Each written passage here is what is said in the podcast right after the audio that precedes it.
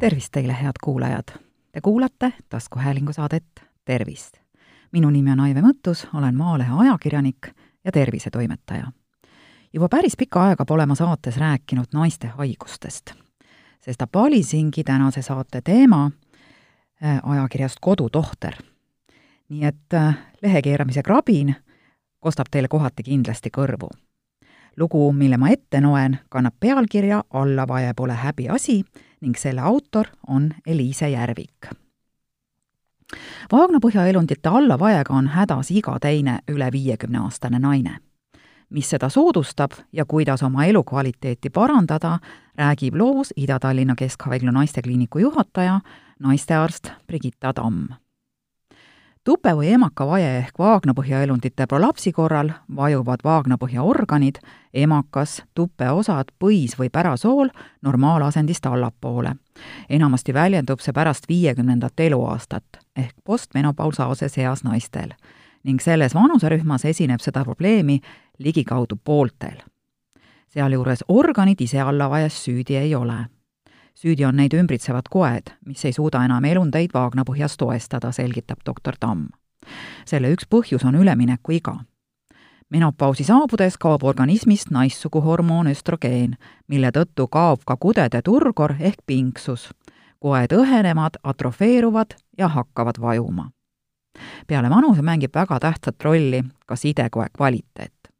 inimene ise ei saa seda kuidagi mõjutada tal lihtsalt on sünnipäraselt selline sidekoe kvaliteet. ja sellele viitab ka asjaolu, et tihtilugu esineb see probleem põlvkonniti. vanaemal oli allavaje, emal on allavaje ja tütrel on allavaje tekkimas. Vaagnapõhja probleemidel on seega geneetiline eelsoodumus. ent soodustavaid tegureid on teisigi sageli on allavajega kimpus naised, kes tõstavad iga päev suuri raskusi või teevad rasket füüsilist tööd samuti etendab oma osa krooniline kõhusisese rõhu tõus, mis võib tuleneda kõhu kinnisusest või pidevast köhast, näiteks astmast. veel ohustavad vaagnapõhja probleemid ülekaalulisi inimesi, kuna keha raskus avaldab vaagnapõhjale survet ööpäev läbi. kuna ka sünnitus on vaagnapõhja mehaaniline trauma, on seegi üks allavaja tekke mõjutegur. ent sünnituste arvust olulisem on see, kui vanalt naine sünnitas, kuidas sünnitus kulges, kui suur laps oli ja kui hästi naine sünnitusest taastus. kindlasti aga ei saa seda pidada allavaje ainupõhjuseks, sünnitust siis, kuna allavajet esineb ka neil naistel, kes ei ole üldse sünnitanud. ehkki noorematel on allavaje pigem haruldane leid, võib see vahel siiski pärast sünnitust avalduda sünnitusjärgne allavaje tavaliselt aasta jooksul taandub, kui naine saab aru, millist režiimi ta peab pidama ja ko hakkab korralikult vaagnapõhjalihaste treeninguga tegelema. sellepärast ei pea minema paanikasse, see ei ole selline allavaje, mille korral kohe peaks opereerima. ka vanemad daamid ei pea allavajega valvetuppa kiirustama.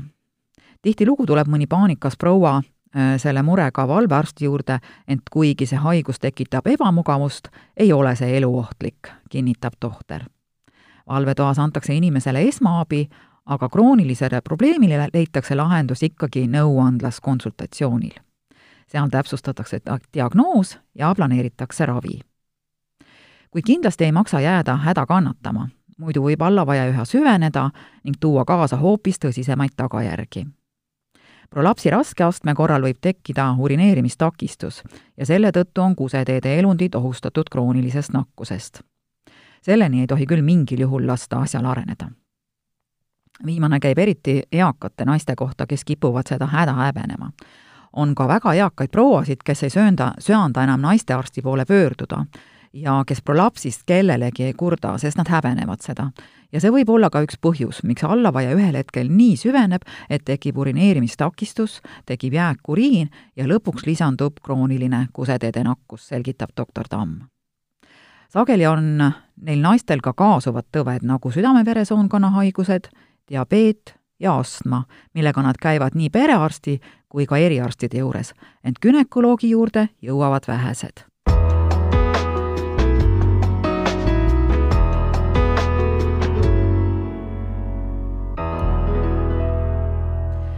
allavajasid on mitut tüüpi ja erinevas raskusastmes. näiteks võib olla lihtsalt tuppe ees- või tagaseina allavaje, emakavaje või ka emaka eemaldamise järel tupeköndi allavaje. kui naine käib korrapäraselt gümnakoloogilises kontrollis, ei jää arstil allavaie ilmingud märkamata ja siis saab hakata kohe üheskoos lahendusi otsima. ravivalikud on erinevaid ning need olenevad äh, nii probleemi raskusastmest kui ka inimese eesmärkidest. Äh, kerge allavaie korral ei ole enamasti tarvis äh, nii, nüüd tuli lehekrabin väga sisse. aga olgu ta pealegi. kerge allavaie korral ei ole enamasti tarvis muretseda ja kindlasti ei ole vaja ka mingisuguseid ennetavaid operatsioone ette võtta. küll aga tuleb rangelt vältida kehakaalu tõusu ja raskuste tõstmist ning hakata tegema vaagna põhjalihaseid tugevdavaid harjutusi. seevastu allavaie raskema astme korral on ravivalikuks operatsioon või tuperõnga kandmine teatud piirini saab selle korda, aga mõne aasta pärast võib kõik jälle alla vajuda. doktor Tamme sõnul nuputab terve maailm kahekümne esimesel sajandil selle probleemi lahendamiseks ikka jätkuvalt ja jätkuvalt mingisugust tõhusat meetodit. aga siiamaani seda tegelikult ei ole. allavajade kordumise risk on suur tohtri kinnitusel on raviotsus alati individuaalne, kusjuures see võib tähendada väga pikka selgitustööd, et naine saaks aru, miks allavaie tekkis, mis selle süvenemist soodustab ja milline ravivalik on talle parim. enne raviotsust tuleb inimese eluolu üle vaadata ja läbi arutada, kuidas ta pärast lõikust hakkama saab. muidu võib operatsioonist saadav kasu olla väga ajutine, kuna mõne aja pärast tekib uus allavaie allavajade ravi ongi selline, et tihtilugu naine vajabki korduvaid ja korduvaid operatsioone, sest kude on kehv. režiimist ei saa kinni pidada ja kehakaalu ei õnnestu langetada ning tõsta tuleb ka raskusi. kui me pakume inimesele allavaja tõttu operatsiooni, siis me informeerime teda, et ta edaspidi kuni elu lõpuni üle viie kilogrammist raskust tõsta ei tohi. aga naised ei saa tihti sellest režiimist kinni pidada, sest elu esitab neile omad nõudmised, sõnab doktor Tamm ja toob näiteks, et paljud eakad naised peavad teenima pensionile lisa, pidades füüsiliselt raskeid ameteid nagu kokk, koristaja või müüja. sageli tuleb neil hoolitseda ka lähedaste eest, kusjuures üleliia koormav on nii haigestunud abikaasa tõstmine, pööramine kui lapselapse süles kandmine. lisaks on väga palju üksikuid daame, kelle õlul on kogu majapidamine, mis nõuab niisamuti suurt kehalist pingutust Nendest probleemidest ei saa mööda vaadata, mistõttu on arstikabinetis väga pikk vestlus just sellel teemal, millega inimene peab hakkama saama. ja siis tuleb koos temaga langetada otsus, kas minna operatsiooni teed, ehk kas ta suudab võimaldada endale elu lõpuni säästvat režiimi. senikaua, kui naine tahab lõikusest lõikuseks emotsionaalselt valmistuda, üle vaadata oma kodused olud ja mõelda, kas tal on võimalik tööl kehalist koormust vähendada, saab talle ajutise lahendusena pakkuda prolapsirõngast. tegu on nüüdisaegse silikoonrõngaga, mida on olemas mitmes suuruses. patsiendile leitakse optimaalne number ja ta saab sellega elada oma igapäevaelu, nii et tal ei ole mingeid piiranguid ei seksuaalelule ega füüsilisele koormusele ja ta jõuab ennast ette valmistada ka tulevaseks kirurgiliseks lahendusteks. naistele selline valik väga meeldib, kinnitab doktor Tamm. Nad peavad käima iga kahe kuni kolme kuu tagant õe juures rõnga hooldusel, mille käigus siis äh, rõngas pestakse ja kontrollitakse tupelimaskesta seisundit. ajalist piirangut prolapsirõnga kasutamisel ei ole. ometi on see võõrkeha ja võib pikaajalise kasutamise järel tekitada probleeme, näiteks tupelimaskesta haavandumist sellisel juhul tuleb rõngas eemaldada ning teha läbi eriravi. vaagnapõhja allavaia ennetamiseks soovitab Brigitta Tamm järgida kolme asja. hoida kehakaal kontrolli all, vältida suurte raskuste tõstmist ja treenida vaagnapõhja lihaseid. jõudsalt on arenemas taastusravispetsialistide pakutav vaagnapõhjaste lihaste treening ja treeningmeetodeid on täis internetki vaagnapõhjalihaste treening on tõhus ka uriinipidamatuse korral, mis võib samuti üleminekueas probleemiks saada. ideaalis võiks vaagnapõhjaste lihaste harjutusi teha iga päev. selleks ei pea isegi dressi selga panema ega treeningsaali minema. Need on nii lihtsad harjutused, tuleb vaid lihtsalt meeles pidada, et neid teha.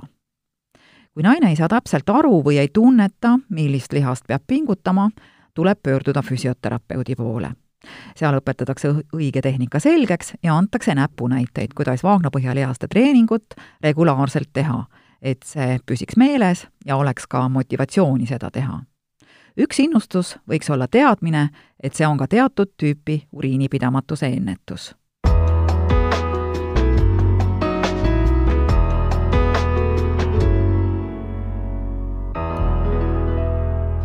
ja saate lõpus jagangi teiega füsioterapeut Helle Nurmsalu soovitusi, kuidas vaagnapõhja tugevamaks saada. vaagnapõhjalihaste nõrkuse ja allavajade korral on vaagnapõhjalihaste treenimine tihti esmane ravi.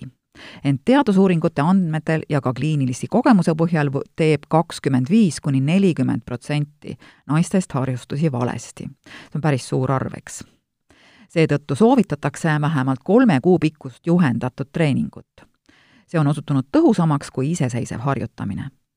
tihti ei oska naised oma lihaseid õigesti pingutada ja siis saab abi vastava ettevalmistusega füsioterapeudilt, kes aitab taastada lihastunnetust ja õpetab õiget harjutuste tehnikat allavajade korral saab lihastööd tõhusalt hinnata ultraheliga ning lisavõimalusena on väga efektiivne ka elektromüograafia, mille käigus viiakse tuppe andur ja arvutiekraanil kuvatava graafiku järgi on tunduvalt lihtsam õigeid lihaseid üles leida.